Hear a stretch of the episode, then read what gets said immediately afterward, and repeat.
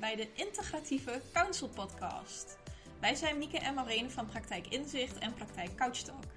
Wij vinden het belangrijk moeilijkheden in voelen en denken bespreekbaar te maken. Een voorbeeld hiervan is dat je je ongelukkig voelt en dat je piekert. Dit voorbeeld en andere voorbeelden zullen besproken worden in deze podcastserie. In de Integratieve Counsel Podcast leer je van alles over jouw eigen gebruiksaanwijzing en hoe je deze voor jezelf in kunt zetten. Welkom bij alweer de zesde podcastaflevering. De aflevering vandaag is iets anders dan dat jullie van ons gewend zijn. We hebben namelijk een speciale gast vandaag. Ja, vandaag is bij ons aangeschoven Marina Boonman. Marina, wil je jezelf kort voorstellen? Ja, uh, mijn naam is Marina Boonman van de Kroon. Uh, ik ben integratief therapeut en directeur van Academie Vesta. En Vesta is een academie waar we therapeuten opleiden. Therapeuten die met volwassenen gaan werken en therapeuten die met kinderen gaan werken. En uh, hoe ben je in dit werkveld terechtgekomen? Lang geleden uh, werkte ik in de zorg voor mensen met een verstandelijke beperking. En uh, in mijn team, dat was een instelling in Amersfoort, of in, in Soest, in de buurt van Soest en Hilversum. En in mijn team destijds was het uh, gebruikelijk dat je in therapie ging als het niet lekker met je ging. En een aantal van mijn, van mijn collega's die zaten in, in gestaltherapie. Daar was ik benieuwd naar geworden. En toen ben ik naar een gestaltherapeut gegaan en daar is mijn interesse gewekt. Mm -hmm. En um, je zei lang geleden. Ja. Hoe lang doe je nu dit werk al? Uh, zelftherapeut ben ik ongeveer 30 jaar. Iets langer. En wat heb je hiervoor gedaan? Ja, je zei net al in, in de um, gehandicaptenzorg. Ja, de zorg voor mensen met een verstandelijke beperking heet dat tegenwoordig. Hè? Ja. Zorg voor mensen met een beperking. Daar, uh, daar heb ik gewerkt en uh, ben al vrij snel na mijn diplomering daar, dat is de oude Z-opleiding was dat. En vrij snel na mijn diplomering ben ik toen afdelingshoofd geworden. En toen merkte ik wel dat ik het begeleidende stukje van mijn werk leuker vond dan het leidinggevend organisatorische stukje. En um, toen wilde ik graag op de opleiding gaan werken. Maar dan moest je de docentenopleiding gaan volgen om dat te kunnen doen. En toen heb ik gevolgd de docentenopleiding gezondheidszorginstellingen, heet dat voluit. En daar heb ik geleerd hoe je les moet geven, opleidingen moet vormgeven en dergelijke. En op een gegeven moment kwam dat allemaal samen. Dus mijn interesse in therapie en een opleiding volgen en mijn interesse in opleiden, die was gewekt, die kwam op een gegeven moment langzaamaan samen. En dat, dat was toen de gestaltopleiding? Mijn eerste therapeutenopleiding was de gestaltopleiding. Ja, in Amsterdam, een opleiding die nu niet, nu niet meer bestaat. Dat heette destijds Christelijn. Uh, daar heb ik met heel veel plezier de opleiding gedaan. Die heb ik voor kort gedaan. Eerste jaar overgeslagen. En vrij snel na mijn diplomering ook daar, ben ik toen daar ook les gaan geven. En daar heb ik tien jaar les gegeven met heel veel plezier. En heel veel van geleerd. Hmm. En was dit ook al, uh, nou ja, dat is een gesloten vraag, maar wat, wat wilde je worden toen je jong was en was dit ook al wat je wilde worden toen je jong was? Nee, zeker niet. Ik, uh, ik werd vroeger geprezen om de manier waarop ik opstellen kon schrijven. Daar was ik uh, vrij goed in. En ik wilde graag journalist worden later. En um, dat was dat zelfs nog op de basisschool was dat. Maar toen ik eenmaal kennis maakte met therapie, toen heb ik daar echt mijn hart aan verloren. Ja, ik heb wel vaak zo de vergelijking nog wel eens van. Ik, denk, ik dacht altijd, ik wil journalist worden, maar ik zal nooit oorlogscorrespondent willen worden of zo. Dat is veel te gevaarlijk. Oh ja. En nu ben ik therapeut en dan werk ik met vechtscheiding en oude gestotingscasus. En dacht ik, ja, het komt echt precies op hetzelfde neer. Je zit echt in het vuurgevecht in de arena, ben ik veelal werkzaam. Maar hou veel van mijn werk, maar vroeger wilde ik dus echt journalist worden of schrijfster of zoiets. Oh ja. Mm-hmm. Wanneer is dat dan veranderd? Um, toen ik een definitieve keus moest maken. Dus ik denk toen ik de Z in ging.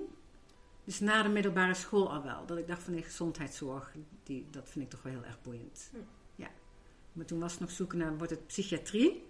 Of wordt het met mensen met een verstandelijke beperking? En ik had op beide gesolliciteerd en toevallig werd ik in de zorg voor mensen met een verstandelijke beperking aangenomen. Oké, okay. en verder doorgerold? En verder doorgerold, ja. En je zei net al, de middelbare school. En wat was je leukste vak op school? Biologie.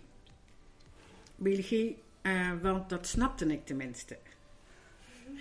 Wiskunde, scheikunde, natuurkunde, wat ik ook allemaal moest volgen, daar snapte ik echt helemaal niks van. En biologie, daar zag ik de logica van in. Talen zag ik ook de logica van in. Dus eigenlijk was biologie voor mij het enige vak wat ik echt kon volgen. Ik blinkte ook niet echt uit uh, op school. In alle andere vakken. Biologie wel. Biologie wel. Vader was bioloog. Misschien dat dat, dat dat er toch een beetje in mij zit. Maar dat vond ik wel interessant. En nog steeds vind ik het interessant. En een deel van ons werk gaat natuurlijk heel veel over hoe werkt het brein en hoe zit het met neurotransmitters. Mhm. En wat is dan ADHD en wat is er anders in genetisch materiaal van psychopaten. En dat vind ik nog steeds het, heel erg interessant in ons vak. Ja. Ja. Zit ook in, in de opleiding. Ja, zeker. Ruimschoots. Ja. Ja, Ja. Ja, zonder die kennis vind ik echt, kan je geen goede therapeut zijn. Ja. En wat was je minst favoriete vak? Scheikunde. Scheikunde vond ik zo erg. Snapte ik echt helemaal niks van. Ik kon gewoon ook de uitleg niet volgen. Dus ik denk dat scheikunde wel, wel het allerergste was. Ja, ja. En wiskunde ook. En dan hadden we een juffrouw. En die zei altijd, kan je me volgen? En zoals zij het uitlegde, kon ik het wel volgen. Maar zodra ik het zelf moest reproduceren, lukte het voor geen meter. Hm. Ja. Die, die uren gingen ook heel erg langzaam. Weet ik nog dat ik op de klok keek en dan dacht ik, oh, nog 45 minuten. En dan keek ik even later op de klok en dan dacht ik, oh, nog 45 minuten. dus nee, dat is niet echt, mijn, niet echt mijn ding, zoals we tegenwoordig zeggen. Mhm. Ehm, wat maakt je werk nu leuk? Mijn werk nu is leuk omdat ik veel echt samen met studenten of cliënten ehm, heel hard werk aan het bereiken van een bepaald doel. En echt het samenwerken met mensen om schouders eronder te zetten, met z'n allen voor de goede zaak gaan. Mhm. Ook in het team met z'n allen voor de goede zaak za- gaan. Dat vind ik het allerleukste in mijn werk. En wat zijn minder leuke kanten? Ehm, ik vind het organisatorische stukje van mijn kant minder leuk. Het boekhoudkundige stukje, dossier bijhouden stukje, dat vind ik allemaal wat minder leuk. Het fijnst vind ik het als ik, eh, als ik over de, mijn werkdag veel gesprekken kan hebben met studenten of cliënten of collega's. Of lessen kan geven elders, wat ik ook veel doe. Dus echt het mens-mens contact vind ik echt het fijnst. Ja. Ja. En wat haal je dan uit je werk? Ehm, als het goed gaat, heel veel voldoening. Heel veel voldoening. Eh, bijvoorbeeld in de opleiding, als ik zie dat studenten echt goed worden. En daar, daar kunnen mijn collega's en ik ook echt ongelooflijk van genieten. Dus van, oh, dan kunnen we echt zo trots zijn. Trots halen we er dan, haal ik er dan wel ook, ook uit. Ja. En met, met, ehm, als ik met cliënten werk, dan kan het ehm,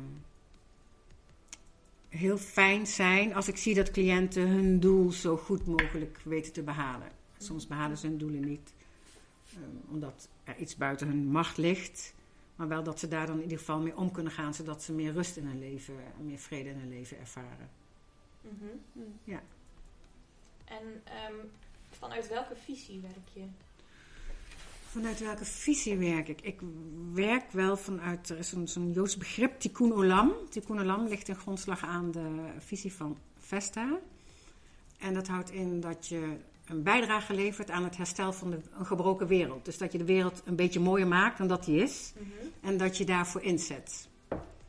En dat daarin hoe je met mensen omgaat doorslaggevend is. Dat is heel kort samengevat de visie. Van waaruit de academie is opgericht en van waaruit ik in de praktijk werk. Mhm. Mhm. Dus dat je, dat je als professional en ook de studenten van de academie, dat die echt ook een bijdrage leveren aan de maatschappij. Ja, aan het mooier maken van de wereld, zeg maar. Of het mooier maken van de maatschappij. Zeker. Mhm. Ja, ja. En wat zijn, daar, wat zijn dan in je, daarin je grootste drijfveren?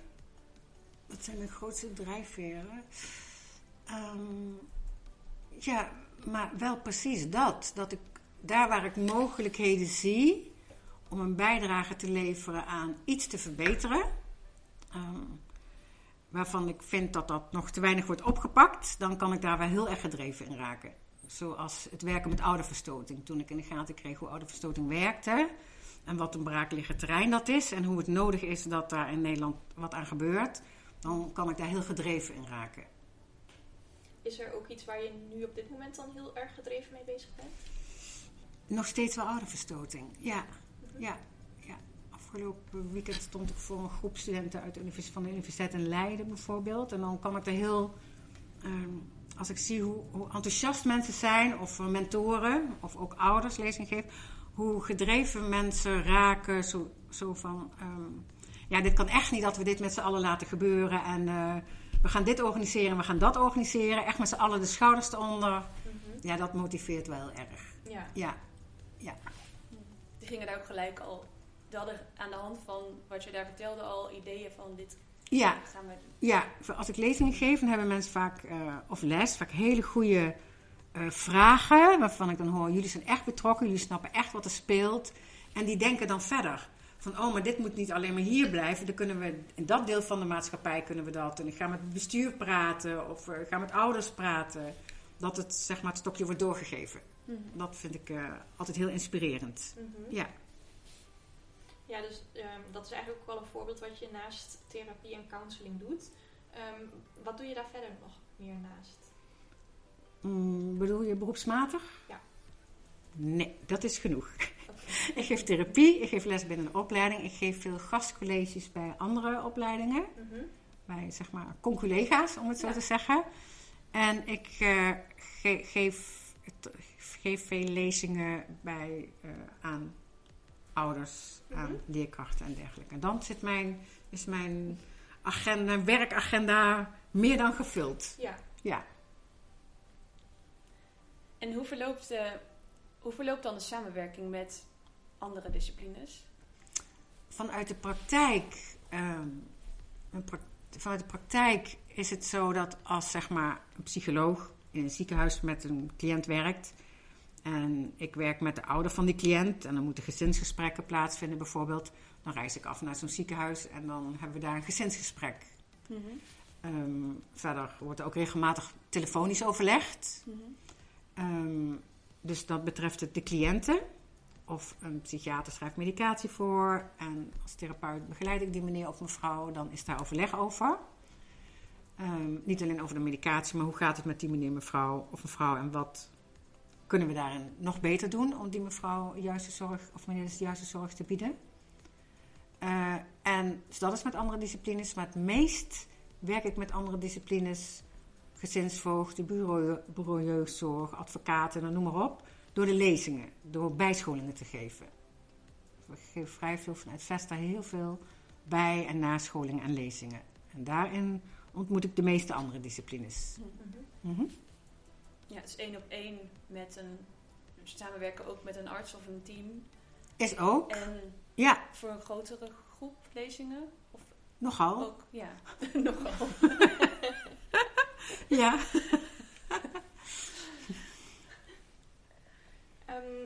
wat maakt een goede sessie goed? Ehm, ik denk dat een goede sessie goed maakt als de cliënt, bij de cliënt zo'n aha-momenten er zijn van, ah, dat is met mij aan de hand, zo maak ik het mezelf moeilijk. Mhm.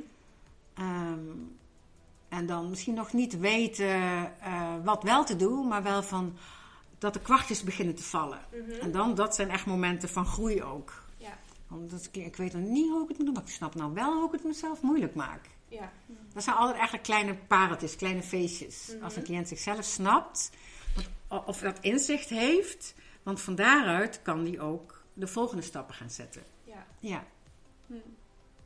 Vind ik leuk verwoord, kleine Ja. feestjes. ja dat zijn echt kleine feestjes. Ja. Ja. Ja. Ja. En wat is dan het, het leukste dat je als therapeut mee kunt maken of mee hebt gemaakt misschien? Wat is het leukste wat ik als therapeut heb meegemaakt? Als het heel slecht gaat in gezinnen. Ik weet niet of, dat, of je dat leuk kunt noemen. Als het heel slecht gaat in gezinnen en mensen denken, nou misschien moeten we dan maar uit elkaar gaan. We maken elkaar alleen maar heel erg gelukkig, ongelukkig. Mhm. En als ze dan na heel hard werken aan zichzelf elkaar weer kunnen vinden, dat vind ik altijd wel ontroerend. Het is niet zozeer leuk, veel meer ontroerende momenten. Ik, mm, ik vind in het werk als therapeut zijn heel veel ontroerende momenten. Mhm. Soms, ze zijn ook wel leuk. Leuk in de zin van dat we helemaal in een deuk liggen omdat er iets gebeurt. Mhm. Eh, vooral met de kinderen. Ik vind aan kindertherapie geven het vaak heel erg leuk en spontaan en eh, gekke dingen doen. Ehm, ik zie minder kinderen op het moment dan volwassenen. Dus voor mij is het meer wat is dat ik veel, veel ontroerende momenten meemaak met cliënten. Mhm. Ja. Wat zijn dan ja, de minst leuke eh, dingen die je mee kunt maken als therapeut? Als eh, de minst leuke dingen vind ik dat als het niet echt een samen is. Stel dat iemand van de rechter moet hij naar in therapie, Mhm. maar die heeft eigenlijk helemaal geen zin in die therapie. Mhm. Dus dan kom je niet tot een samenwerking, maar een, eh, een los van elkaar werking. En dat werkt gewoon helemaal niet. En vroeger deed ik dan nog wel heel erg mijn best, maar nu denk ik, nee, als je niet wil, dan het is samen of het is niet. Mhm. Ja, dus dat is echt niet leuk. Ja, Verplichte therapieën voor mensen die niet gemotiveerd zijn. ja. Ja. En in hoeverre kijk je met een therapeutische blik naar mensen in je privéleven? Meer dan me lief is. Meer dan me lief is. Dat kan je niet uitzetten. Wel, als ik met cliënten werk of als ik met studenten werk, dan heb ik echt mijn therapeutenbril op. eh, en mijn opleidersbril op. En ehm, die gaat nooit echt helemaal af. Er gaat misschien één glas uit die bril als ik privé ben, maar mijn andere oog blijf, blijf ik toch altijd wel ook door die, met die blik kijken naar mensen. denk ik van, oh nee, de- die en die, die is niet vervelend, die is gewoon bang. Mhm. Ja, ga hem niet op zijn donder geven als hij tussen aanhalingstekens vervelend doet, maar kijk wat er echt aan de hand is. Dus dat is altijd wel ergens op de achtergrond aanwezig. En normaal niet, niet op de voorgrond, zoals we dat noemen, Mhm. maar op de achtergrond wel. En als ik dan een situatie voordoe, dan denk ik, ja, nu kijk ik echt door mijn therapeutenbril. Mhm. Ja. Ja, soms is er een glas uit of wordt het een Ja. zonnebril of... Ja, ja het, staat, het is niet altijd zo expliciet als wanneer ik werk. Mhm. Doet zich een situatie voor waarvan ik die wel refereert aan mijn werk als het ware. Ja, dan staat die zo weer op. Mhm. Dus dan kijk ik toch wel. En dan is natuurlijk de vraag, wat doe je ermee als het in je privéleven is? Dus vandaar dat ik zeg dat, het me soms meer, dat ik hem soms meer op heb, die bril, dan dat me lief is in mijn privé situaties. ja. Mhm. Ehm, is er, eh, wat leer je van anderen, van bijvoorbeeld studenten of cliënten? Van zowel studenten als cliënten leer ik dat als je gedisciplineerd en gedreven eh, je inzet voor dat wat je wil bereiken, dat dat dan ook eh, haalbaar is. En dat je dat doorzetten zich loont. Mhm. Dat doorzetten zich loont. Niet te snel opgeven.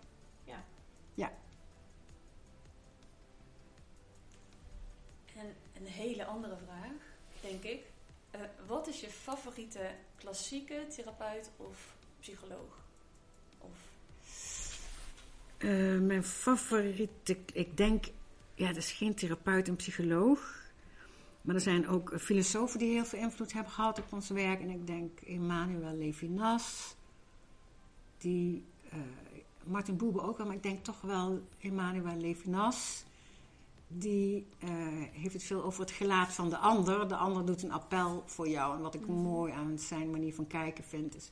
Ik vind dat onze maatschappij behoorlijk ik-gericht aan het worden is. Mhm. Op allerlei verschillende manieren. Eh, soms ook zelf wat zorgelijk naar de jeugd toe. Ehm, dus behoorlijk ik-gericht. En eh, Levinas die overstijgt dat. Die zegt de ander doet een appel op jou. En je moet eh, ook goed kijken. Wat kan je voor de ander betekenen? En niet zoveel. Wat kan ik voor mezelf betekenen? Of wat kan de wereld voor mij betekenen? Maar echt het gelaat van de ander heeft hij het over. Over dat je die zorg ook kan verlenen aan een ander. Ik denk Mm. dat, ik dat, dat hij wel op dit moment degene is die me het meest inspireert. Mhm. En met daar nadruk op dit moment, want het kan ook voor een paar jaar weer iemand anders zijn. Ja. Ja. Sluit dat ook aan bij, want net zei je ehm, bijvoorbeeld dat als een kind vervelend is, dat je dan eerder ziet van, oh nee, maar die is niet vervelend, die is bang. Ja, die ouders vinden dat vervelend. Ja. Dat, tenminste, als ik dat zo hoor, dan lijkt dat heel mooi daarop aan te sluiten. Ja, kijk goed naar de ander. Ja. Ja. wat is er met de ander aan de hand en wat kan je voor de ander betekenen? Mhm. Ja, klopt. Ehm, ja, dan hadden we ook nog een aantal vragen voor de toekomst. Ehm, wat zou er volgens jou binnen de zorg kunnen veranderen ten voordele van de cliënten? Ehm, dat de zorg niet alleen maar gericht is op, op korte termijn. Dus dat de zorg niet zozeer een draaideurfunctie heeft, dat mensen, eh, weet ik veel, een, een overdosis nemen, dat ze naar het ziekenhuis gaan, dat de maag wordt leeggepompt en dat je vervolgens weer op straat staat, bij wijze van spreken, tot het weer een keer misgaat. Dus die draaideurfunctie. Sowieso is het natuurlijk zorgelijk dat ehm, die, de overgang, als je, binnen de, als je minderjarig bent en je wordt meerderjarig, Mhm. dat die overstap naar de volwassenzorg, die gaat niet goed. Eh, in een periode dat adolescenten heel kwetsbaar zijn, dus dat zou beter geregeld kunnen worden. Eh, aan, de, aan de wachtlijsten wat doen. Mhm. Want dan kan je eerst terecht, ik hoorde laatst een crisisdienst en dan kan je na acht maanden terecht of, zo, of zoiets. Mhm. Weet je, dat vind ik echt zorgelijk. Ja. Ehm, en ik denk wel dat binnen opleidingen, voor als het gaat, gaat over therapeuten, dat veel meer systemisch moet worden opgeleid. Bijvoorbeeld met, met de theorie van Notch of Minuchin. En dat we moeten loslaten dat alleen maar de theorie van Bowlby heilig is, want dan zie je de helft niet. Dus ik denk dat mensen niet zozeer alleen naar het individu moeten kijken, maar veel meer naar ook de wisselwerking tussen de mens en zijn omgeving. Dat daar meer oog voor moet komen. En dan heb ik het ook over de reguliere zorg. De gezinsvoogden waarmee ik spreek, die kijken, hebben vaak niet geleerd naar systeemdynamieken te kijken. En daar gaat heel erg veel door mis in ons land. Het systeem als in de familie. Ja, ja het gezin. Ja. ja. Dus ik denk, goede zorg begint bij heel veel, maar onder andere ook bij goede opleidingen. Mhm. En welke persoon zou je nog graag ontmoeten? In welk opzicht? In, in een zo breed opzicht als mogelijk. Als alles mogelijk zou zijn. Als alles mogelijk zou zijn, wie zou ik dan graag nog ontmoeten? Dan zou ik heel graag, eh, niet nog, maar zou ik heel graag, zeg maar jullie generatie, als jullie straks therapeut zijn, ehm, en ehm, eh, over, eh, weet ik veel, 30 jaar, dan zou ik graag de therapeuten van dan ontmoeten, om te kijken hoe het er dan voor staat. Dus het is niet zozeer dat ik therapeuten uit het verleden graag nog zou willen ontmoeten. Er is zoveel geschreven. Eh, daar, daar is voldoende ruimte om, daar, om je daarin te verdiepen, om me daarin te verdiepen en te lezen en kennis te maken van hun gedachtegoed. Daar zit het niet. Het is veel meer dat ik benieuwd ben naar wat jullie generatie therapeuten ervan, van de erfenis die wij aan jullie geven, wat jullie daarmee gaan doen. Naar de toekomst. Ja, dus ik ontmoet jullie graag over een aantal decennia nog een keer. Dan ga ik jullie interviewen. Ja, een vraag die er dan misschien enigszins op aansluit. Ehm, waar zie je jezelf over vijf jaar? Over vijf jaar ben ik 65. Je lacht al, je voelt hem al aankomen. dan zit ik tegen mijn pensioen aan. en dan zie ik mezelf ehm, waarschijnlijk, ru- waarschijnlijk rustiger aandoen. Er zijn mensen in mijn omgeving die daar niks van geloven. maar dat streven heb ik wel. En ehm, dan lijkt het me heerlijk om nog wel de supervisies te geven aan collega's. Want dat vind ik heel erg leuk werk. En ik denk dat ik dan zo af en toe nog wel een lezing ergens zou geven. Dat zie ik ook nog wel doen. En dat iemand mij dan na- daar naartoe chauffeurt. Dat zie ik wel zitten. ja, zo zie, ik dat, dat, zo zie ik dat wel voor me. Ja. ja, Blijf je dan ook nog nieuwe theorieën volgen? ik denk het wel. Ja, Mhm. ja, ja. En als ik dan kijk waar, wat ik nu boeiend vind, is echt ehm, sinds die functionele MRI's zijn, die neuropsychologieën. En van hoe werkt het nou in ons brein? eh, die vind ik wel heel erg interessant. En die, die ontwikkelingen gaan super snel. Eh, dus ik, ik zou heel graag daar dan nog in opgeleid of geschoold willen worden, misschien zelfs ook wel. Oké. Dus ja, ja. ja. Dus dan, als ik denk dat over een jaar of vijf heb ik daar meer tijd voor. En denk dat ik misschien wel zelf dan weer aan de studie ga. En wat of wie inspireert jou? Mm, studenten. Ja. Ah, studenten die het goede willen en die zich ervoor willen inzetten, die eh, een bijdrage willen leveren, ja, die zich zeg maar binnen onze visie bijdrage leveren aan het mooie maken van de wereld. Dat zie ik bij sommige studenten zie ik dat terug. En dat vind ik heel inspirerend. En dat maakt het werk als docent ook heel erg mooi. En de moeite waard. Te zien wat we kunnen doorgeven. Dus het feit dat, dat we ons vak, ons vak door, dat ik mijn vak, ons vak doorgeef aan jullie als studenten. eh, in het volste vertrouwen dat jullie er nog een mooier vak van maken en nog mooiere dingen mee doen. Dat. Ehm, welke tips zou je mensen die hulp zoeken mee willen geven? Ehm, ga niet af op websites van therapeuten. Want er kan, kan nog zo mooie teksten en foto's op websites staan, maar vraag in je omgeving aan mensen dat zij, of zij therapeuten weten waar ze goede ervaring mee hebben. En ehm, iedereen mag zich natuurlijk therapeut noemen in Nederland en iedereen mag zich psycholoog noemen in Nederland. Ehm, ga op zoek naar een therapeut die een vierjarige opleiding heeft afgerond. En een vierjarige opleiding, een vierjarige geaccrediteerde opleiding. Zoals de SNRO bijvoorbeeld is een instantie, een organisatie die, zo, die is een soort BOVAG-garantie binnen ons vak. Die zorgt, die kijkt of je opleiding die je volgt wel echt goed is en echt op niveau. En die zijn zeer kritisch. En als je weet dat je een SNRO geaccrediteerde opleiding hebt gedaan, vier jaar, weet je zeker dat je goed zit. Dus ehm, daar zou ik zeker naar kijken. En ook voor eh, cliënten dat ze een persoonlijke klik hebben met diegene. Als je geen klik hebt, dan wordt het heel erg lastig. Ja. Ja, dus ga af op mond-op-mond reclame.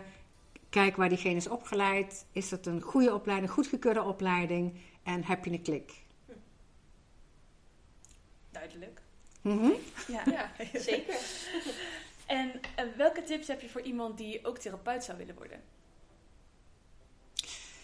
Ehm, zoek een goede opleiding waar de lat heel hoog ligt.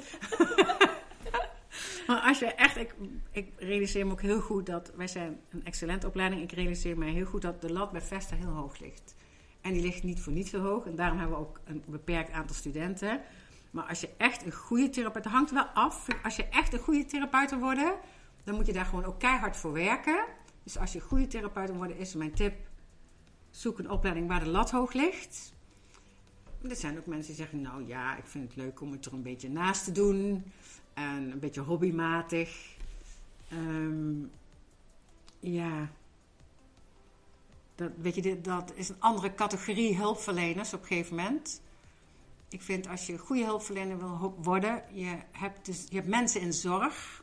En als je mensen in zorg hebt, dan heb je ook echt de verplichting, ook moreel, om het uiterste te doen om die mensen dat te bieden wat ze nodig hebben. En dat kan niet met een half-half scholing. Dan moet echt een, dat is echt pittige, een pittige opleiding zijn dat om goede therapeut te worden. Dus zoek een pittige opleiding is dan mijn. eh, Zorg ervoor dat je hard moet werken. Ja, ja, zeker wel. Ja, zeker. Ook een opleiding waarbij je, dat vind ik belangrijk, dat je een opleiding hebt waar je tijdens je eh, opleiding eh, je praktijk al opstart. Dat is echt heel, ook, want het ondernemerschap, wat, je, wat natuurlijk ook bij therapeutschap hoort, is ook heel belangrijk. En je hebt niet zoveel aan, zoals ik vroeger ben opgeleid, dat je vier jaar een opleiding doet, waarbij je alleen maar oefensessies geeft op je medestudenten, die als je een verkeerde interventie geeft, prima weten wat jij bedoelt, dus toch goed reageren. Dat werkt niet. Ehm, en dan doe je vier jaar een opleiding met oefenen op elkaar. En dan kom je in de praktijk en dan moet je heel je. Dan ben je klaar met je opleiding. Dan moet je het ondernemerschap nog kennen. En je moet eigenlijk het vak nog leren geven met cliënten, echte cliënten die niet ook therapeut in wording zijn. Dus ja, dat zijn wel allemaal dingen die ik er heel belangrijk, aspecten die ik er heel belangrijk in vind. Ja. En wat zou je nog toe willen voegen dat we niet gevraagd hebben vandaag? En dat wel leuk is voor de luisteraars om, eh, ja, om te weten. Ehm, nou ja, ja, onze studenten die geven kosteloos sessies vaak. dat lijkt me heel interessant uh, voor luisteraars om te... Goede vraag zeg. Ja. lijkt me heel interessant voor luisteraars om te weten... als je, uh, als je zelf fijn vindt om begeleiding te krijgen... dat onze studenten, die zitten gewoon door het hele land... dat die uh, in het kader van hun opleiding vaak tegen weinig kosten... of soms zelfs kosteloos... cliënten begeleiden onder supervisie van de opleiding. En dat onze studenten zitten door het hele land. Mhm. Dus dat is gunstig. Er is altijd wel iemand in de buurt, denk ik dan. Ehm, en dat geldt voor, mensen, voor volwassenen die moeilijkheden hebben met hulpvragen. Maar ook voor uh, kinderen, minderjarigen. Want we hebben natuurlijk studenten die worden opgeleid om met volwassenen te werken. En we hebben studenten die opgeleid worden om met kinderen te werken. En beide bieden, vind ik, echt hele goede zorg al. En als er nou iemand luistert en die denkt, nou dat vind ik inderdaad echt heel fijn om te weten. Mhm. Eh, en die denkt, en nu? Want hoe kom ik erachter wie deze studenten zijn? Mhm. Stuur even een mailtje naar de opleiding. Mm Mailtje gaat het handigst met waar je woont. En dan kunnen we kijken wie, is daar, wie van onze studenten houdt daar in de buurt praktijk. Mhm. En welk e-mailadres is dat dan? Dat is info.academievesta.nl Dat zullen we ook nog wel even onder de comments zetten. Bij, in de bijlage ja. van deze podcast. Ja. Hmm. Dan kun je rechtstreeks erop klikken en uh, een ja. mailtje sturen. Handig. Ja. Ja. Dan zijn we door onze vragen heen.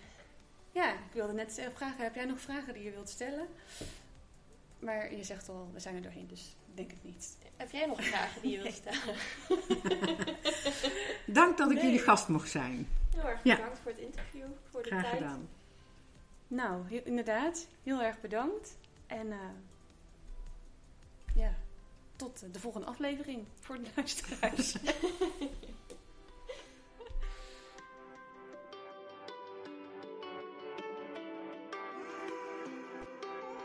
Bedankt voor het luisteren naar de Integratieve Counsel podcast.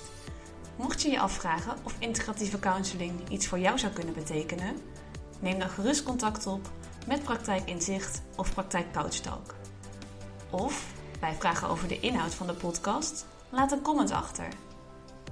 Hopelijk tot volgende week bij een nieuwe aflevering van de Integratieve Counsel podcast, waarin je jouw eigen gebruiksaanwijzing leert kennen. Wil je direct op de hoogte zijn wanneer er een nieuwe aflevering online komt? Abonneer je dan op ons kanaal.